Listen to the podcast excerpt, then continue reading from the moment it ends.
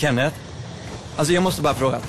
Du har alltså handlat kontorsmöbler på Bafab och så har du fått så mycket pengar över så du har liksom bara köpt Balder till ditt jobb.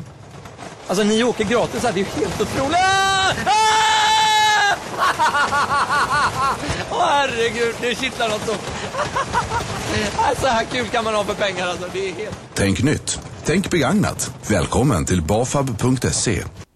Ja, det var lite sydligare än vad jag hade tänkt mig i morse faktiskt när jag gick ut och Ja. skulle start, starta bilen då. Ja just det, ja, det var väl en eh, två, tre minusgrader tror jag.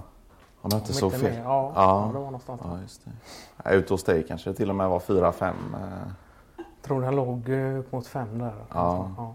Sen, eh, ja det har varit plusgrader nu en hel vecka. Så att Ja. jag, jag var inte riktigt beredd på det då. Så Ja, jag hade bara vindjackan på mig. Så att, Ja. eh, men kupévärmaren var på. ja, det var det. Ja. Som tur var. Jag har en sån timer då så jag kan ställa in den eh, innan jag kommer ut i bilen då så att den redan eh, drar igång då så att eh, man kommer ut i en varm bil och så. Det, ja, det är riktigt bra faktiskt. Det, Annars håller den ganska bra värme i sig. eh, Din bil va?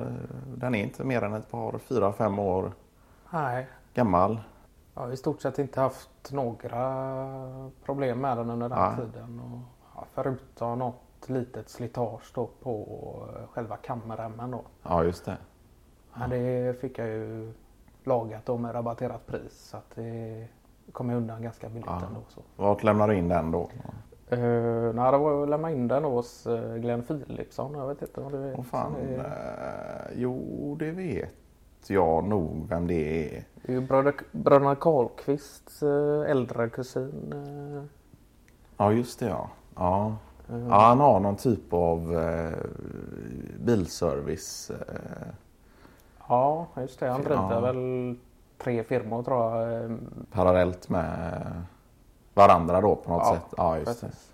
Nej, så jag fick eh, hyggligt pris där och, Ja. och brukar även ta den eh, vägen om jag är på väg till något annat jobb om man har krokarna förbi istället för att ta E20 då hela vägen. Ja, så i just det. princip kanske går hela vägen och så tar jag en landsväg då 162 där Ja, det, ja, just det. kan man gott och köra lite utanför motorvägen och se lite nytt. Ja, precis. Ta med något kaffebröd och ta en kopp där så. Ja. Ja. Det alltid... Det tar ju inte mer än ett par, vad kan det ta för dig? Det är det är inte mer än tre minuter du eh, förlorar på att ta 162an där istället för eh, E20. Jag tänker att du ändå tar avfarten sen mot eh, Lingeholm. eh, Ja, just det. Ja, just det. Nej, det skiljer inte mycket. Nej. Sen eh, kan det ju vara trafikstockning också på motorleden. Ja, just det. Sällan är det på 162. Alltså. Ja. Ja, nu är allt, nu är allt igång igen efter alla helger och ja, ledigheter. Ja. nu är det rullians åter. Så. ja. Och du skulle expandera hörde jag. eh, Ja, just det. Ja. Blir antagligen inte i år då, men Nej. eh, vi börjar titta lite på det redan i år då. Får vi se Just om det det. blir 2018 eventuellt här till hösten då.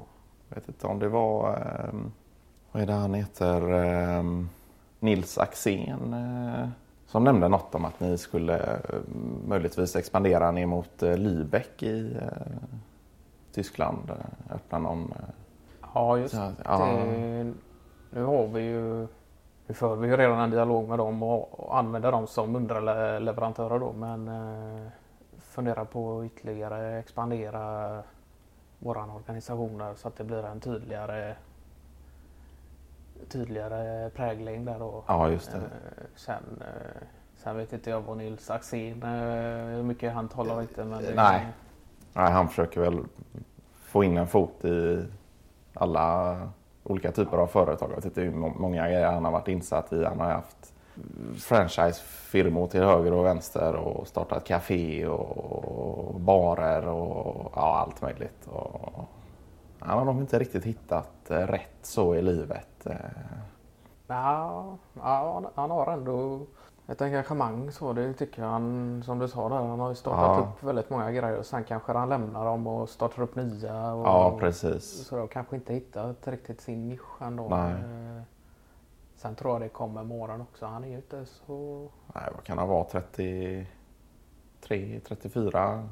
Ja, det är tror han är en gammal med, eh, med eh, min kusin. Patrik Fixell eller? Nej. Jo, precis. Ja. Ja. Han är ju inte min kusin. Han är ju en ingift eh, kusin då. Någon slags bonuskusin. Eh, han var ju med och öppnade någon. Jag vet inte om de hade någon slags... Eh, vad var det det var? Var det någon slags Tex-Mex eh, typ av restaurang som de öppnade tillsammans då? Ja, det var det. Men, ja. Kan du plocka själv lite eller? Ja, precis. Det var någon typ av, jag vet inte om de först hade lunchbuffé och sen någon slags à la carte-meny då på, på kvällen. Och var det karaoke och Men det var i tidiga år vi startade den. ja, då var de inte gamla. De vad kan ha varit 23 eller någonting då. Så det var nästan direkt efter eh, utbildningen. De hade gått tillsammans och öppnade de det här stället. Och det rullade väl på i ett antal år men sen eh, Nej, sen tröttnar ju båda. De har ju lite dåligt tålamod så att hålla igång något under någon längre tid. Utan eh, det är som du sa tidigare att de startar upp det och så säl- säljer de det och så är de på någonting annat. Så, men det, är- nej, det är ett driv som jag ändå kan uppskatta eh, även om eh, jag själv eh, gärna stannar lite längre i, inom någon bransch och sen se vad det kan eh, utvecklas till. Men eh, nej, de är driftiga. Så. Sen var jag inte där och åt, åt deras mat någon gång men eh, nej, jag kan tänka mig att det var ett bra ställe. Så. Ja.